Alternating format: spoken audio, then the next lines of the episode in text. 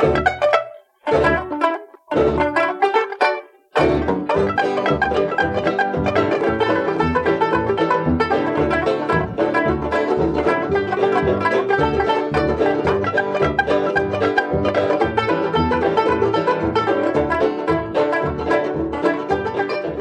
var det dags för Designpodden igen. Hello!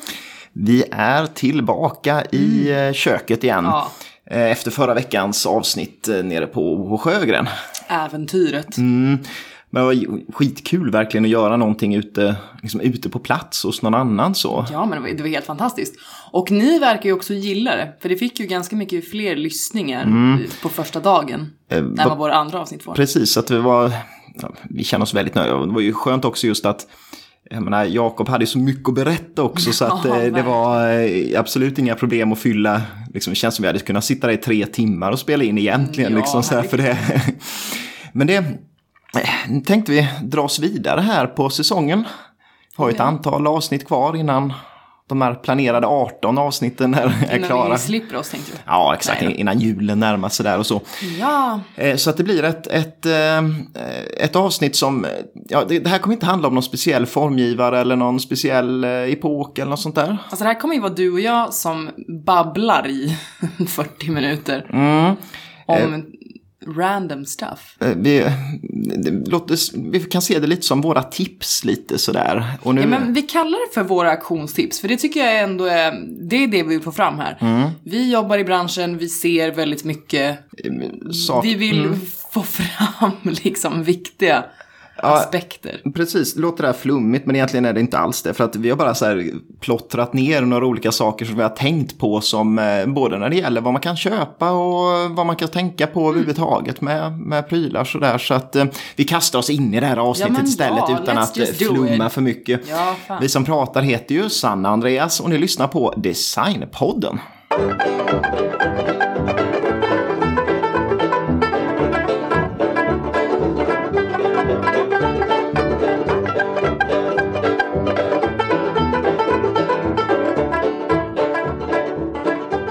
Jag vet inte, det finns ju alltid så några saker som, alltså så här fel, eller fel, men liksom så här missförstånd som upprepas hela tiden. Mm, oh ja. Och det ser man ju ganska ofta.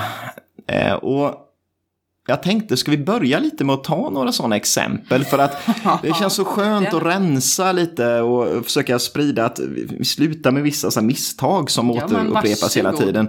Tell me. Och det här har vi pratat om innan, just det här första exemplet. I första säsongen så vid något sammanhang så tog jag upp det här, men det är eh, det här med brevetato.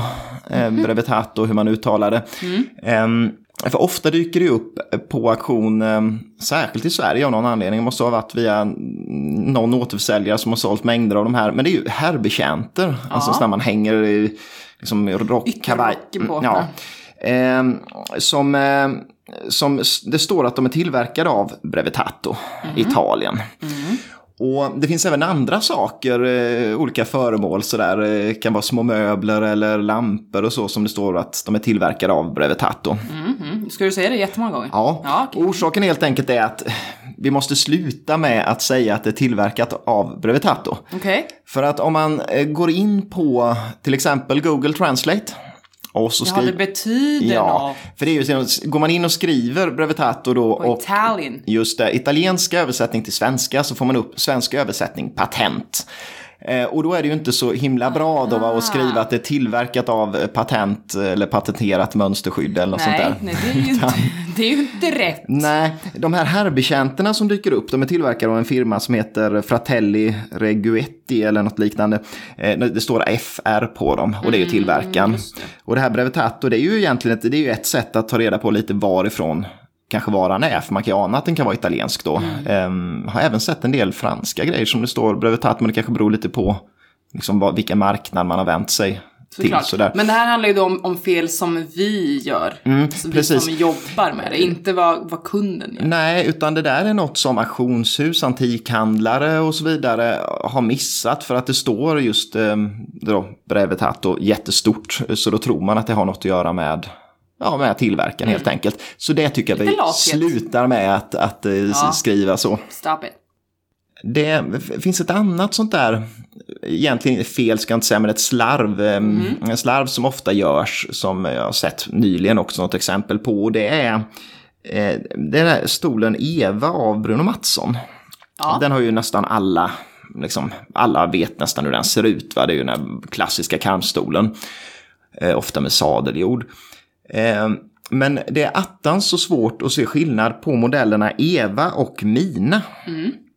Eh, och man ska tänka lite bakgrunden där kring, kring eh, Mattssons Eva och Mina fåtöljer. För att Eva ritades ju redan 1933 kan man ju säga, för det var då Bruno Mattsson tog fram de här standardformerna på vilstol och liggstol och så. Och sen fick Armstol. Den, ja, den, den, den, fick liksom armstöd var det 41 tror jag och då, då var den klar liksom formgivningen. Mm. Men de, som hade rätt att tillverka Evan, det var eh, Dux då eh, under 70-talet. Eh, mm. Men Bruno Mattsson hade ju sitt andra företag, det här Bruno Mattsson International, så då ritade han en stol som var nästan exakt likadan som Evan, men han kallade den Mina. Och den ritade han 1978. Och på auktion och även liksom typ på Blocket och sådär, då står det ofta att det är en Eva. Men det kan lika gärna vara en Mina-fåtölj. Så att jag tycker vi kan... Men varför tycker du att det är så viktigt om det då är samma sak fast för två olika tillverkare? Mm, för de ser ju olika ut och är ju ändå fundamentalt helt olika. Har de alltså... olika värde?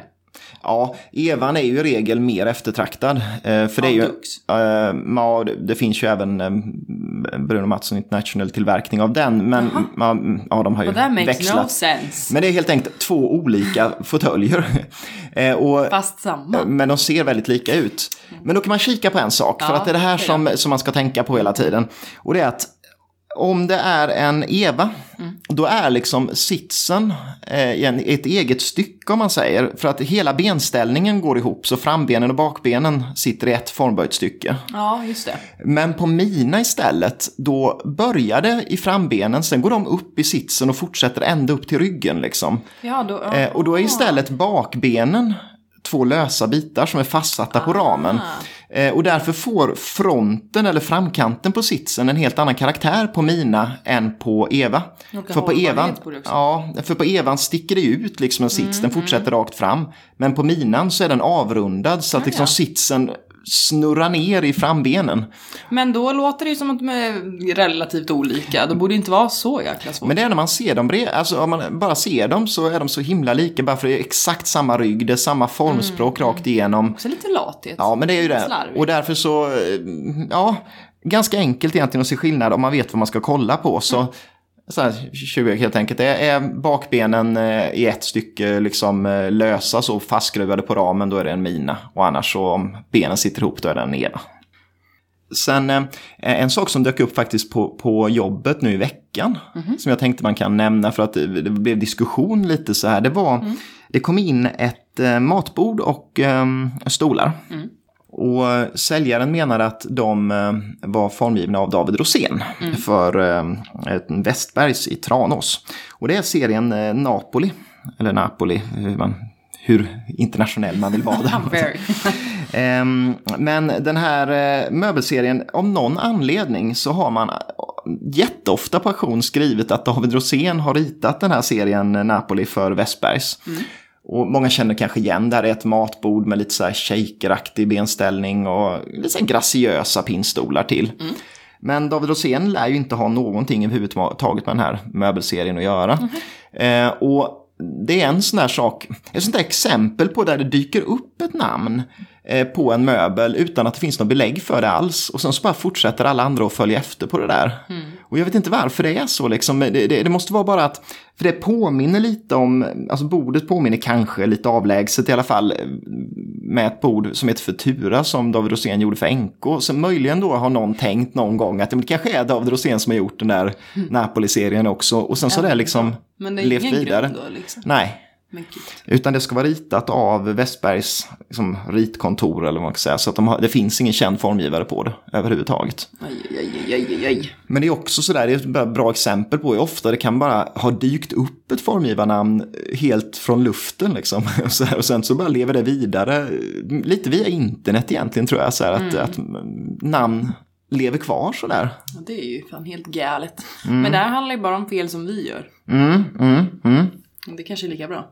Ja, men vi börjar med lite fel som görs av, av auktionshusen och av ehm, eh, handlare och på Blocket och på Tradera och sånt där. För jag tycker ehm, Rätt ska vara rätt. rätt ska vara rätt och sen så är det bra att kunna bryta, liksom, eh, bryta trender så här. När det, Ja, oh yeah, go.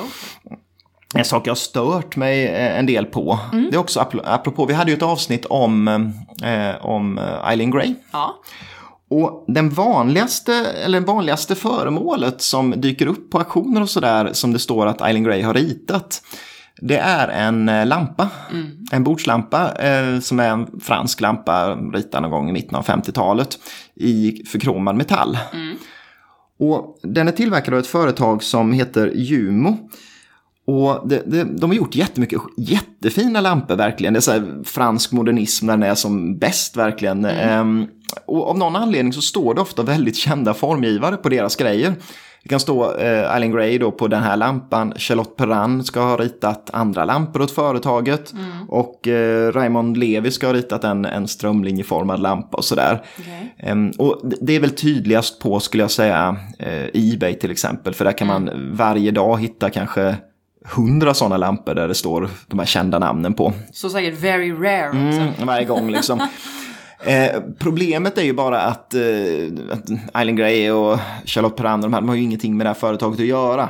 Nej. Och det finns väldigt lite information när man letar på Jumo. Men det jag lyckas få fram i alla fall det är att det där Jumo i alla fall står för eh, alltså de två grundarnas initialer. De två första bokstäverna i deras efternamn. Och det var en Uwe Jojo och André Monique. Och så blir det J-U och Ja, eh, M-O. och- det är väl ungefär det som finns informationsmässigt känns det som. Men de har gjort jättemycket fina lampor och det lär vara de själva som har ritat dem Men också de verkar drar det till som. med jättekända namn. Ja, eh, och orsaken lite är att eh, Charlotte Brandt till exempel valde ut vissa lampor från Jumo att ha i hennes inredningar och så. Och det är väl där det har blivit något missförstånd någon gång i tiden. Och nu är det ju naturligtvis som ett, liksom ett bra sökord på Ebay. Och det är väl därför tror jag som eh, man hävdar att det är eh, de här. Men, men det gör ju å andra sidan inte lamporna mindre bra. För jag tycker de här är jättefina verkligen och eh, Ja, skitcoola. men så kan det ju vara. Men, Men det är ju rätt, uppenbarligen fel. ja, rätt ska vara rätt. Liksom. Man ska inte skriva ut formgivare som inte,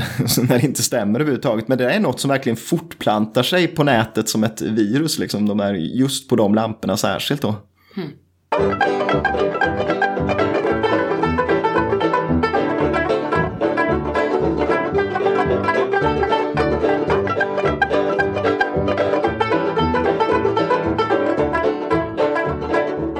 Men om man tänker mer på sånt där, bara för att klargöra lite, alltså det som folk ofta inte riktigt vet när de kommer in till auktion och ska sälja någonting. Mm.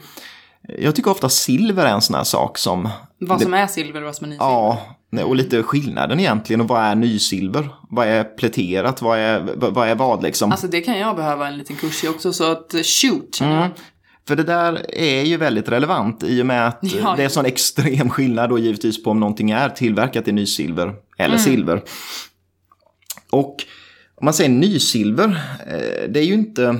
Många tror ju att nysilver kanske är en plätering, att man har lagt ett lager silver eh, över ett annat material. Och det stämmer ju egentligen inte, utan nysilver är ju ett eget material. I regel så är det en legering som består av ungefär 60% koppar, 20% nickel och 20% zink. Och genom att man blandar in då nickel och zink så försvinner det, det gula i, i eh, kopparn så att den blir mer vit. Och då så var det ett sätt att efterlikna silver på ett billigt Ja. sätt då. Det är liksom inget silver i Nej, det finns nysilver. inget silver i nysilver överhuvudtaget. Och det finns heller ingen given standard att för att det ska få kallas nysilver så ska det vara den här legeringen. Men i regel är det en blandning av eh, koppar, nickel och zink. Ehm, och, och det gör ju också att den är ganska så vit solitt rakt igenom då. Va? Så det är inte så att du bara kan skrapa lite på ytan och så är det liksom koppar Nej, under eller något. Utan det är, det är ju en solitt föremål. Och vad är det för märkning då? Mm, det finns ju ingen, ingen standard på det, liksom, hur, hur det ska vara märkt. I och med att det inte är reglerat på Nej. något sätt. Och det är det som gör det lite lurigt. Sen är det ju ofta så också att, att det är ett lager silver ovanpå nysilvret. Eh, och det gör man för att få verkligen den här silverytan då. Va? Men det är det som också kan göra att ett nysilverföremål, om man inte har plätering, alltså elektroplätering kallar man det när man liksom på elektronisk väg lägger på ett tunt lager silver uppe på nysilvret. Eh, Men eh, om man har gjort så, då, kom, då blir det ju oxidering på det på samma sätt som på silver och så vidare. Så det är svårt, alla gånger i alla fall, att bara med ögat se om det är solitt silver eller en tjock plätering över. Så. Så att, Men eh, kan det vara silverstämplar på om det är bara Mm, lite silver över? Eh, nej, Det, det är ju det det inte är. Eh, det ska det ju inte vara. Sen kanske det finns falskt silver, liksom. men, men då, då är det ju, det är ju oerhört ovanligt. Liksom. Men det man kan tänka på då, i alla fall, det är ju att när det är nysilver så har man ändå för det mesta varit ärlig liksom med det och skriver ut vad det är för någonting. Och då står det ofta EPNS till exempel på. Och det står för Electroplated Nickel Silver. Eh, ibland i Sverige så har man skrivit extra prima NS då. Så att det Mm, ja, NS ja. ja, precis. Bara NS. då. Bara NS kan det stå ibland. Eh, och alpacka kan det stå ibland. Alpacka. Och det är en österrikisk legering som eh, eller ännu mer lik silver liksom i färgen och så. Så, att, eh, så står det alpacka, NS, eh, prima NS eller eh, någonting så. Då är det nysilver. Men är det något vi kan sälja? Nej, alltså i regel inte. Materialet är inte värt någonting. Utan, och bestick i nysilver, då får det vara något väldigt, väldigt extraordinärt för att det ska gå att sälja. Annars är det ju värt någon krona styck. Liksom. Eh, sen finns det ju vissa, till exempel så gamla engelska stekhuvar, eh, stora bordsuppsatser och sånt i nysilver som fortfarande har ett värde. Men då är det ju föremålet i sig, men det, ju, det har ju ingen betydelse materialet då. För Nej. att det hade lika gärna kunnat vara järn, liksom. det har inget mer värde. Men när det kommer då till silver, hur, hur ser man att det är silver då? Stämplar? Mm, vad har vi för svensk Jag, jag silverstämpel? vågar inte säga. ja, men, Nej, du får lära mig. eh, men man säger ju att eh, kattfoten ska man leta efter. Mm. Och vad, vad liksom, Eh, förklara. Mm, kattfot är ju svensk standardstämpel för silver som är tillverkat i Sverige. Och den ser ut som en liten trampdyna. Så det är tre kronor och sen så en lite så här Ja, men det, trampdyne. det är väl liksom tre kronor? Ja, det är tre kronor. Ja. Och sen så är det en, eh, liksom en, en, det är inte en ringrunt utan den är liksom Jo, men trampdyneformad. precis, men undrar, eh, varför formrunt. kallar man det kattfot? Det är bara att säga som det det är tre kronor. Mm. Men det kan man inte säga. För Nej. att det finns också en annan stämpel som är svensk importstämpel för silver. Och det är en oval med tre kronor i. Och då ser man att det är silver som är tillverkat utomlands men importerat på liksom så här bra, eller liksom, mm, officiell väg till Sverige. Okej, okej. Man har kontrollerat att silverhalten är eh, tillräckligt hög och sen så har man stämplat det. Så det är de två stämplarna man kan kika på på svensk silver. Alltså kattfoten eller en oval stämpel och båda har då tre, kronor. kronor. Sen finns det ju då en annan sak man kan, kan um, kika på. Och det är ju faktiskt, och det kan ju alla göra, så det är ju lite kul så här. Man kanske vill veta hur gammalt ens silverföremål är. Mm, ja, det är kul.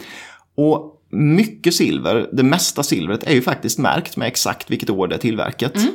Och det är en eh, märkning som, alltså, som startade 1758 redan och används än idag efter samma system. Det är coolt. Det är ju roligt verkligen. Och orsaken till att det var så här, eh, Kommerskollegiet hette det som, som beslutade att nu måste vi ha en årsmärkning som är standardiserad i landet. För innan hade man så här, olika städer hade olika märkningar och Ja, eh, ja. alla följde inte riktigt det där och då är det inte värt någonting egentligen en sån märkning. Så då, 1900, eh, 1759 beslutade man sig, eller liksom, då, då startade det här. Mm. Och vad har man då, vad, vad tror du man hade för någon märkning första året? Ett. Nej, Fan, det var väl en bra det var en gissning. skitbra gissning, men det var A. Ja, just det. Men det visste jag. Nej men det börjar helt enkelt med A. Fast det är väl bokstäver och siffror? Mm, men inte först då, Nej, för okej, först okej. behöver man bara ha en, en bokstav. Så årsbokstav för 1759 är A. A. Och sen fortsätter det med B, C, D och så vidare. Eh, rakt igenom då. Det till Ö? Nej, man har inte Å, Ö, utan det är Z, sista bokstaven. Ja, det var också Och det är väl säkert för att punkter är svårt, så att det så man verkligen ser skillnad på A och Mm. Å till exempel. Det skulle vara för krångligt.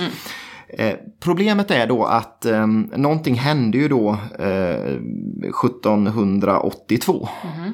Och det var ju att då tog alfabetet slut Ja. helt enkelt. Eh, Så det var då man började med en tvåa istället. Så att eh, 1782 eh, blir ju eh, eh, A2 och så vidare. Och så har man bara fortsatt så fram till idag. Och därför kan man alltid bara gå in och kolla. För att få fram tabellen så är det bara att googla så års, Ja. årsbokstäver, silver Ja. eller något. Oh så, och så kan man vända på sitt bestick eller sin tallrik eller vad det är man har i silver och så vet man exakt när den är tillverkad.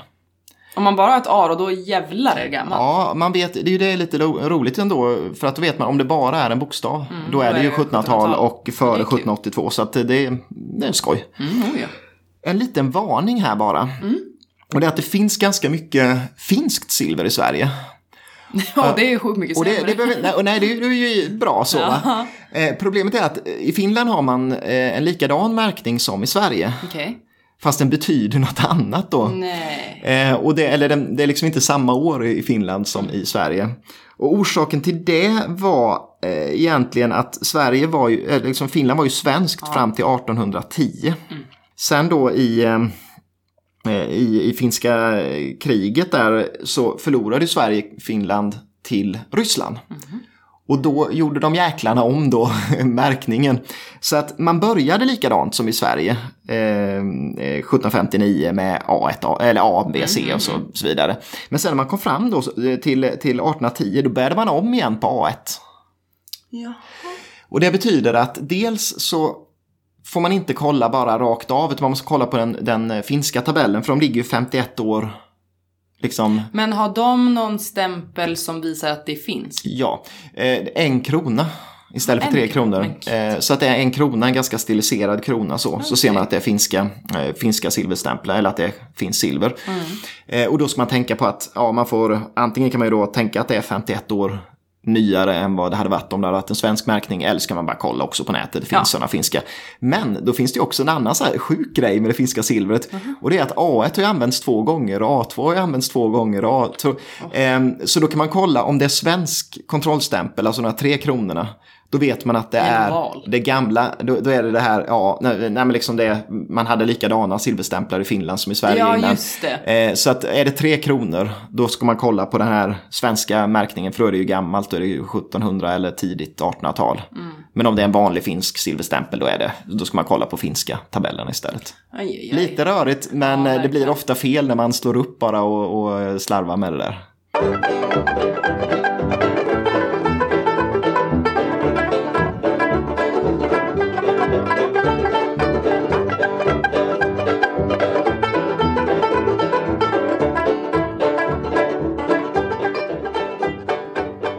Tagit upp ganska mycket vilka fel man kan göra. Mm. Lite negativt. Ja, det är lite negativt, eller? Nej då, det är bara lärorikt. Det är Mm. skitbra. Men jag tänkte lite mer så här positivt, lite investeringstips. Vad du och jag tror Mm. Ja, att man precis. kan köpa idag som kommer hålla värde eller öka i värde. Ja, vad är bra köp helt Vad är enkelt? bra köp? För det finns ju uppenbarligen både och på auktion. Ibland blir man ju helt chockad över att hur i, hmm, kunde det där gå för så mycket? Ja. För att det inte är värt så mycket. Det, eller ja, vad saker och ting är värt, det är ju väldigt komplicerat upp att till- prata ja, om. precis, men för det det, upp det, till- handlar ju bara mm. om marknaden såklart. Ja, men jag tror att folk i regel tror att saker är dyrare än vad de är. Ja, och att folk i regel tror att gamla saker är dyra. Mm. Det är en sån här grej, men, men den här är ju, den är ju 150 år gammal Ja. så då måste den ju kosta pengar. Och så är det ju i regel inte. Nej, det är ju snarare Eh, tvärtom. Alltså att om man tänker på det så, i regel är det billigare att köpa antikviteter Ja. än att gå till Mio och köpa motsvarande föremål. Absolut, och det är ju det vi absolut då vill betona. För att först och främst är det ju helt sinnessjukt. Mm, det är fullständigt bisarrt. Det, det, är liksom, det, det går inte ens att gå in på. Nej. Och, nej men jag blir, jag blir mållös Mm. faktiskt, men så är det ju verkligen. Men samtidigt, för det är ju det som blir så paradoxalt, för att det förstärker varandra det här tror Ja, jag. för att folk tror Ja. att det är dyrt, men det är jävligt billigt. Ja, men då så tror man inte det är lönt att kolla på Nej. ett 1700-talsskåp. För att då tänker man, nej men jag ska köpa ett 1700-talsskåp, jag bor inte i någon herrgård liksom, Eller jag har inte råd så, med och det. så åker man till Mio eller Jysk Ja, och så betalar man 5-6 tusen för ett, ett eh, med, i spånskiva liksom, eller Vilket MDF. är sjukligt mycket mer. För vad kommer vi fram till här? Alltså det är billigt helt enkelt med Ja, äldre men- möbler ofta. Ja, alltså som du säger, antika möbler kostar ju alltså hundralappar. Ja. Eh, det, det är ju just det där, om man säger stolar, det är ett sånt där slående exempel. 1800-talsstolar. Mm. Ja.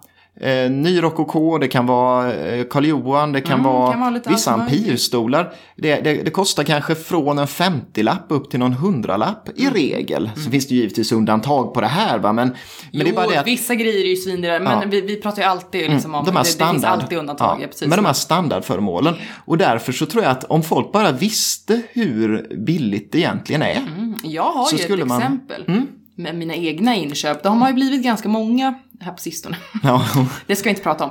Men jag köpte ju då en sekretär ja från 1700-talet. precis eh, sista delen. En, Ja. Gustav, en gustaviansk eh, säkert. Furu, Ja. Mm. mässingsbeslag, skitsnygg. Och bakgrunden till det här är alltså att vi behövde ett badrums, eller en badrumsbänk eller något sånt. Ja, för att förvara i. Och då kan man ju då inte ha faner. Nej, för för det- Mm. då slår den sig av fukten och så vidare. Då måste det vara, då måste det liksom vara gediget. alternativen som fanns var det eller att köpa typ någon färdig badrumsmöbel på någon sån här byggvaruhus eller någonting. och vad liksom. gör vi då? Uppenbarligen kollar vi på auktion, men det är ju kanske inte så konstigt. Den skulle då bara vara massiv. Det var det, det, var det Mm. vi letade efter. Och så fick den inte vara bredare än 90 Nej. eller något sånt där. Ja. Kollar, kanske tre dagar, Mm. så hittar jag den optimala. För det är ju en vanlig sak på auktion i alla fall. Mm, absolut. Fast de inte går för så mycket pengar. Och så finns det ju mycket Men ute. Mm. den hade ju då utrop 3000 här för mig. Hade inga bud. Nej. Jag bara, fan den där, den där måste jag ha. Får den då för, ja den fick ju några motbud då, Mm. men för 900 spänn. 900 spänn. Och den är alltså över 200 år gammal Mm. och den fungerar lika bra idag.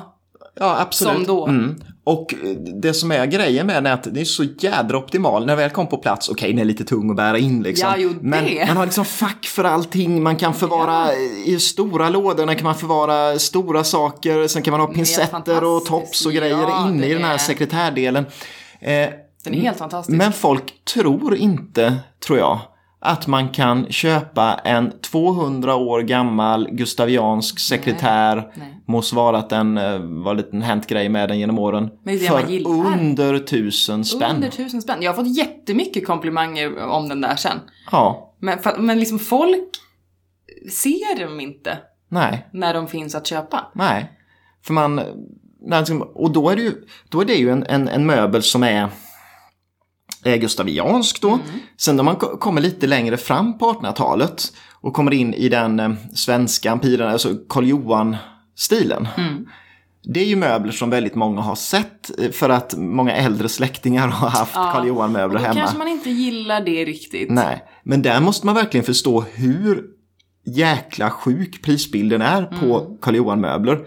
Jag har ett exempel på, på jobbet just. Ja. Där det var en som hade med sig en Karl Johan-soffa in ville sälja. Eh, och vi fick tacka nej till den. För att, eh, ja, ja, den har för lågt värde. Eh, och han fick lite panik för att den var liksom, hade den på ett släp, det var från något dödsboende och han visste inte vad tusan ska göra av den. Kan ni ta hand om den och skänka den? Bara, nej, alltså, vi, vi kan inte ha möbler stående här som vi inte Nej, säljer liksom, nej. utan det måste du ta med. Men kör den till något ställe. Ja, men kan, så lovade jag att hjälpa honom bara ringa till någon välgörenhet och se om någon och det fanns ingen som accepterade att ta emot soffan. Eh, och den var tillverkad alltså omkring 1840 någon gång. En eh, fint skick. Och en eh, hantverksmässigt väldigt fint gjord soffa. Men alltså alternativet var att åka och slänga den bara. Han fick, han fick ju kasta den för det fanns ingen som kunde ta emot den gratis. Det, det är depressing. Eh. Men det är det man måste komma ihåg. Alltså, det här med skråväsendet var ju en faktor fram Mm. till 1847. Så att allting innan dess gjordes alltså av mästare. Mm. Som hade liksom som var erfarna, som hade varit lärlingar. Det fick bara göras av de här mästarna Mm. Ja, fram till gjorde ditt, ge- 1847. ja, du gjorde ditt gesällprov som var extremt hårt, hårt ställt liksom. Ja. Och sen så var du mästare på att göra möbler. Det fanns inga jävla fabriker. Nej, det gjorde inte det. var Så inga maskiner som gjorde det. utan, så sjukt. Och du kan köpa möbler som är tillverkade under den här tiden som de riktiga antikviteterna tillverkades. Man brukar förr, förr så var ju egentligen antikvitet, då skulle det vara, för, då skulle det vara fram till 46 eller vad det var då. För att eh, sen när man väl avskaffade skråväsendet menar man, då var inte möblerna lika bet- bra längre. Nej. Men jag menar, du kan köpa sådana möbler idag Ja, det är billigt. så fruktansvärt sjukt. Summan av det här rantandet i alla fall, det är ju att du och jag, vi tror ju ändå någonstans, eftersom att de här möblerna kommer uppenbarligen bara bli färre, Ja. så jag tror att de kommer öka i värde. Om bara resten av detta inredningssamhälle kan förstå det fina med Ja. hantverket och kvaliteten. Alltså, som sagt, min sekretär är 200 år gammal, den funkar amazing. Ja, och just om, om fler börjar få upp ögonen för för man har ju aldrig varit så ointresserad som man är idag av antikviteter. Nej, nej, nej. Eh, Det är ju en missuppfattning allt annat. Ehm, Och om folk verkligen börjar få upp ögonen för att köpa begagnat, köpa antikt, köpa Mm. blandning av, av så här, då skulle ju priserna gå upp bara för att Oh, ja. det finns ju ett bruksvärde i de här Ja. fina sakerna. Absolut. För grejen är, det handlar ju faktiskt inte om bara så här gamla möbler Nej. som folk inte köper. Nej, nej, nej.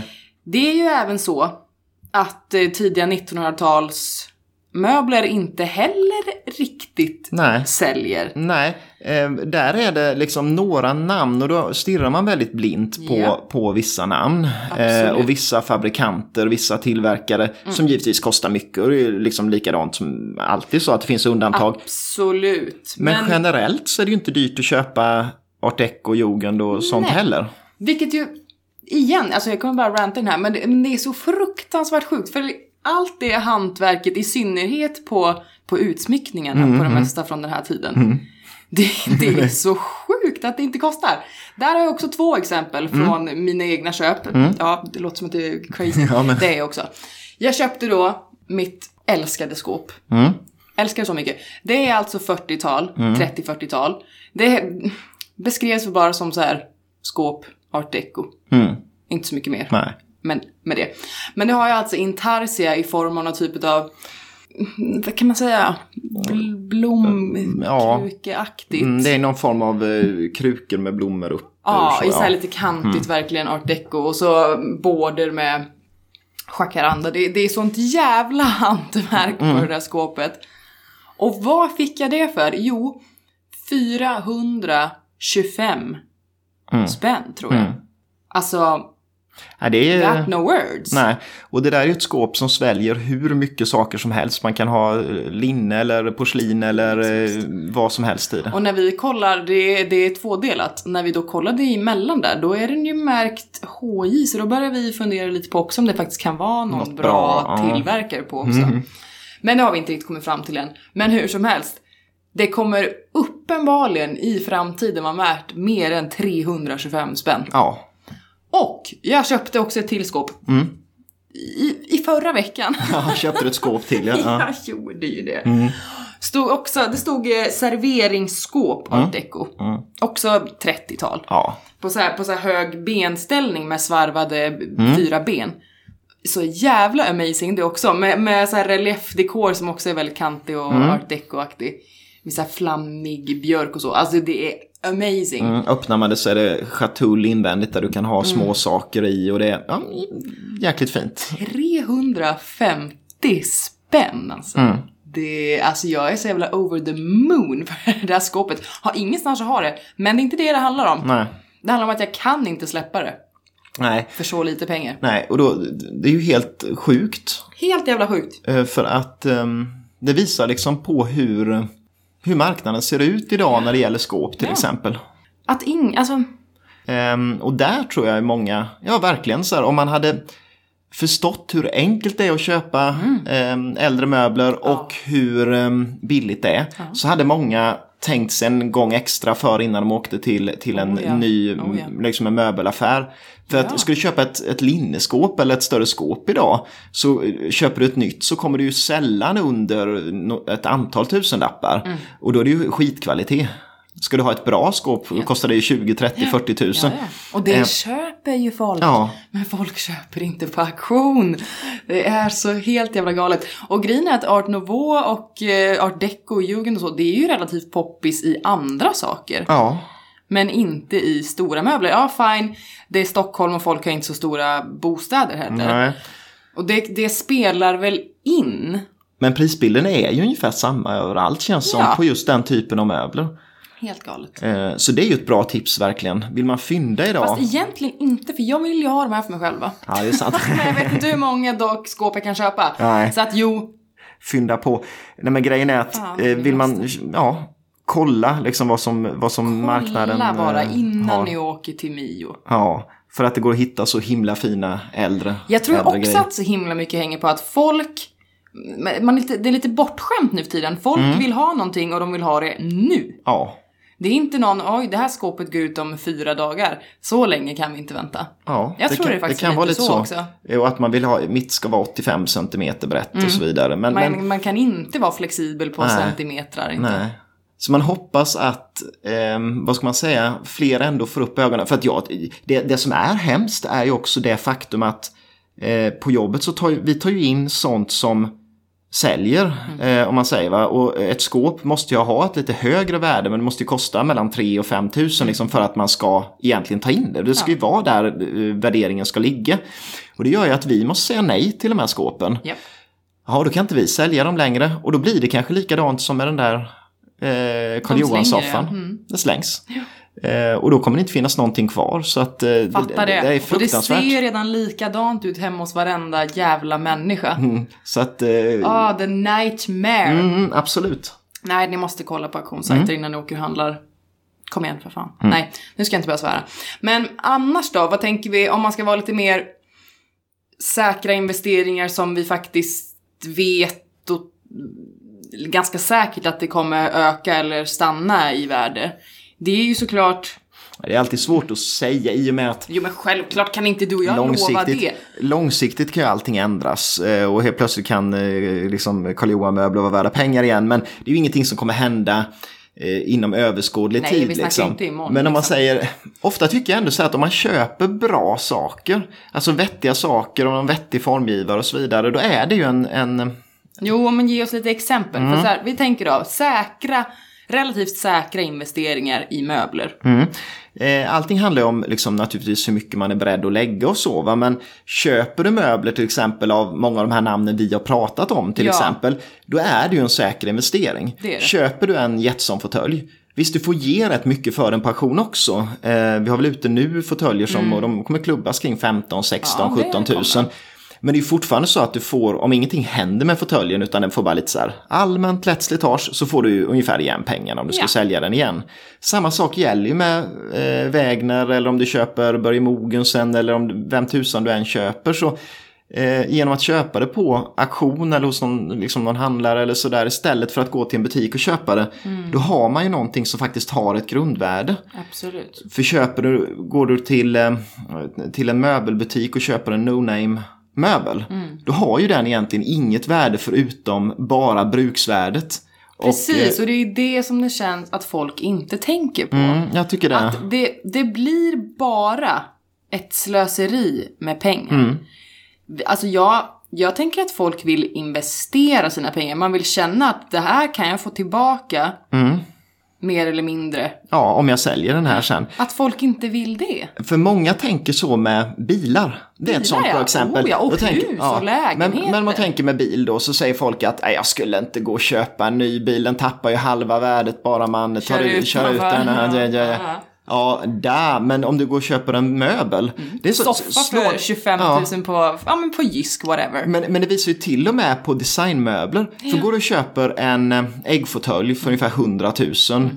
på någon större möbelbutik. Så får du kanske ungefär 30 000 för den om du säljer den sen. Mm. Japp. Då har du tappat alltså eh, 60-70% kanske i värde eh, bara på att ta ut den ifrån möbelbutiken. Absolut, man får ju i alla fall ändå någonting tillbaka. Säg den här svindyra soffan på, på Jysk eller någonting då. Vad får man tillbaka för det? Ja, ingenting. spänn? Ja, ingenting. Eh, Så att eh, möbler är ju ett jättelätt sätt att eh, slänga bort pengar om man vill. Men det är också Oh, ett sätt där du faktiskt kan hålla på och göra om hemma ganska ofta utan att det blir jättedyrt. Precis, för att man köper och säljer. Mm. Det är in och ut liksom. Finns det någonting som du kan komma på så här on top of your head som är crap kvalitet fast som ändå kostar på auktion? Alltså det man kan, en slutsats man kan dra, inte minst av det vi pratade om tidigare, är att kvaliteten behöver ju inte spegla priset. Nej, nej gud nej. Ehm, och det finns ju en hel del saker som, eh, ofta blir det att vissa typer av saker blir populära på auktion. Mm. Eh, herbetjänter blir populära och så går det att sälja herbetjänter trots att vissa är ganska dåliga. Mm. Serveringsvagnar kan vara populärt. Ah. Det är inte lika populärt nu som det var ett tag, men ett tag gick det att sälja nästan alla typer av serveringsvagnar. Um, så det är ändå en ganska kul liksom, inredningsdetalj mm. på ett ja. sätt. Men jag tycker att det man ska göra då, det är ju ett tips. Det är att verkligen kolla på eh, liksom, vad är det jag köper. För att ofta skiljer det inte sådär fasligt mycket i pris eh, på någonting som är väldigt bra tillverkat och någonting som är lite enklare och lite nyare. Mm. Eh, sideboards är väl ett sånt exempel. Ja, oh ja. Där liksom, jag tycker vi ofta får, liksom för ett standard sideboard i teak, eh, så får man kanske 3000. Mm. Eh, och sen så något med ett formgivarnamn på och som är i bättre material och så kanske kostar 5000. Ja. Och i det läget kan jag ju tycka att det är en bättre investering att lägga 2000 till och köpa ett som är både bättre kvalitet och sen lite lättare att sälja igen. Om kanske Precis. när vurmen för teak cyborgs inte finns kvar längre så är det fortfarande så att vi köper ett Precis, ett vad designat, namnet ja. kan kosta i sig. Eh, så där tycker jag man ska fundera lite på liksom innan man Sen det här liksom namn, att man är helt besatt av bara massa formgivare, det är ju också liksom töntigt. Mm, jo, jo, det gillar jag inte så, men, men det blir ju en säkrare investering. Det blir det. Absolut, det, uh, det köper jag. Uh, absolut, och sen det är inte alltid så att det är liksom bättre kvalitet bara för ett namn på det, men ibland är det ju så, ja, åtminstone att man kan kolla vem är tillverkaren. För en lite bättre möbelfabrik eh, har ju ofta gjort liksom lite bättre saker än kanske de här mm. enklaste som bara kopierade kända mönster och så vidare. Då. Precis. En typ av eh, vara då också som är så här sjukt bra köp begagnat mm. på till exempel auktion. Det är mattor skulle oh, jag säga. Ja. Mattor är ju i regel svindyrt nytt alltså. Mm. Alltså var du än köper mattor det är svindyrt på Ikea med mattor. Ja, det är dyrt eh, liksom mm. i möbelbutik och i matthandeln mm, och överallt. Och mattor går ju att hitta olika typer av mattor. Oh, ja. Vill du köpa en orientalisk matta så går det att göra på auktion mm. jättelätt naturligtvis. Ja, det finns ute mängder. Mm. Ehm, det går att köpa ryer, det går att köpa röllockarmattor och så vidare. Och, och där är det ju så att liksom, svensk textil och svenska mattor är ju väldigt uppmärksammat internationellt. Mm ofta väldigt höga priser utomlands, även på lite mer okända mattor. Mm. Men i Sverige skulle jag säga att många inte riktigt uppskattar den svenska liksom, matt och textilkonsten. Kanske att man har sett det så mycket. Mm. Men de är gjort med möblerna också. Men sen ja. är det ju lite så här att, att mattor är, de här namnen, de här, ofta, det är ju nästan alltid kvinnor som har gjort mm. Eh, mattorna särskilt. Och um, de har inte blivit uppmärksammade på samma sätt. Och jag tror det är mycket på grund av att de är kvinnor också. Man har inte skattat det så högt. Nej, nej men så är det ju med ehm, allting nästan. Eh, och, och det, givetvis finns det många undantag liksom. Och det finns, jag menar Märta Mås eh, kostar pengar. Eh, Judith Johansson är ett annat namn sånt där som också gör, hon gjorde mattor som var samtida med Märta Mås, ungefär samma, mm. samma anda. Mm. Och ehm, de kan ju också kosta ganska bra pengar på auktion och på kvalitetsauktionerna dyker det upp en del mattor som är väldigt dyra. Men om man kollar på nätauktioner och kollar på Blocket och så, jäkla vad fina röllockarmattor och ryamattor och sånt ja. man får för en tusenlapp eller något oh, sånt där. Oh, ja. Och vad gör det för skillnad att ha liksom en, en roligt färgad röllockarmatta än att ha liksom en men en, en ryamatta från Ikea. Liksom. Mm. Det är ju en jävla skillnad i inredningen. Alltså. Absolut. Så att jag tycker mattor är ett sånt där klockrent tips. Ja, absolut. Håller helt med. Där är också några exempel själv. Ja, okay, så jag inte gå in så jävla nej, djupt på det. Nej, nej, men... men alltså det går ju att köpa för mm. 300-400 spänn. Absolut. Stora jävla mattor. Ja, ja, men så är det. Inga det, pengar. Nej. Det enda där är då att skicket är ju lite viktigare på mattor. Alltså, det, det, det, kan ju vara äckligt med mattor som är ja, begagnade. Oh, ja. Eh, det går ju att tvätta mattor så det är inte, det, det är inte så det går ju att lämna in för, för ja. mattvätt om man får dem billigt. Men man ska alltid kolla skicket. Och att det inte är skadedjur i också för det, det är Alltså vi ska uppenbarligen inte ta in någonting med skadedjur i. Men det, saker och ting kan ju Ja men eh, även om inte vi, men det är också om man köper liksom ja, privat ja, också. Och så, eller, ja, ja, ja. Eh, men eh, i annat fall är ju det jätte. Hur ser man det då? Liksom hål? Mm, alltså, man ser ofta att om det är mal, mal kan finnas oftast i till exempel orientaliska mattor. Ja. Eh, och där kan man ju, det bildas, de äter ju upp ullen i, i mattan. Ja. Så att det blir liksom kala partier. Och är det, är det pågående mal, angrepp liksom då eh, mallarverna bildar ju små kokonger av liksom ullen då va? Ja, alltså, oh. Så det kan ligga som så här färgade i olika färger Ja. beroende på vad ullen har för färg, Mm. små kokonger. Eh, så att det är ju rätt äckligt så att det ska man Ja, hålla alltså koll det på. sprider sig ju i alla textiler man har Mm. hemma. Så att det är jävligt kinkigt att Ja. ha koll på det. Så att det, det är viktigt. Bra Men- jävla tips alltså. Mm. Ja men mm, det här var lite funderingar vi har haft så där som vi tyckte vi knöt ihop i ett avsnitt så här och det är ju Ja men sådana liksom tankar man har eh, day to day på jobbet. Mm, precis, att det är bara våra, våra ytliga tankar Ja. och betraktelser. Så Ja, att det det det här avsnittet blev lite mer så här, em, bara lite eh, skjuta från höften. Vi har ju ett antal namn kvar som vi ska Oh, ja. avverka. Ehm, och ehm, Avverka låter ju som att, låter ju sorgligt. ja, det är inte så Det är ju kul, vi gillar det. Men det, det, så, så att nästa vecka så kommer ett av de största namnen faktiskt i eh, den Mm. skandinaviska designhistorien att eh, behandlas. Eh, så att eh, då får ni se vad det blir för någonting då. Men eh, så länge så, eh, ja, vill ni oss någonting som vanligt så är det ju bara att mejla till Designpodden at gmail.com. eller skicka något meddelande eller eh, skriv någon kommentar på Instagram Ja. där vi heter Designpodden eh, eller på Facebook. Så att, eh, ja, hoppas att vi hörs nästa vecka igen. Ja, hej då.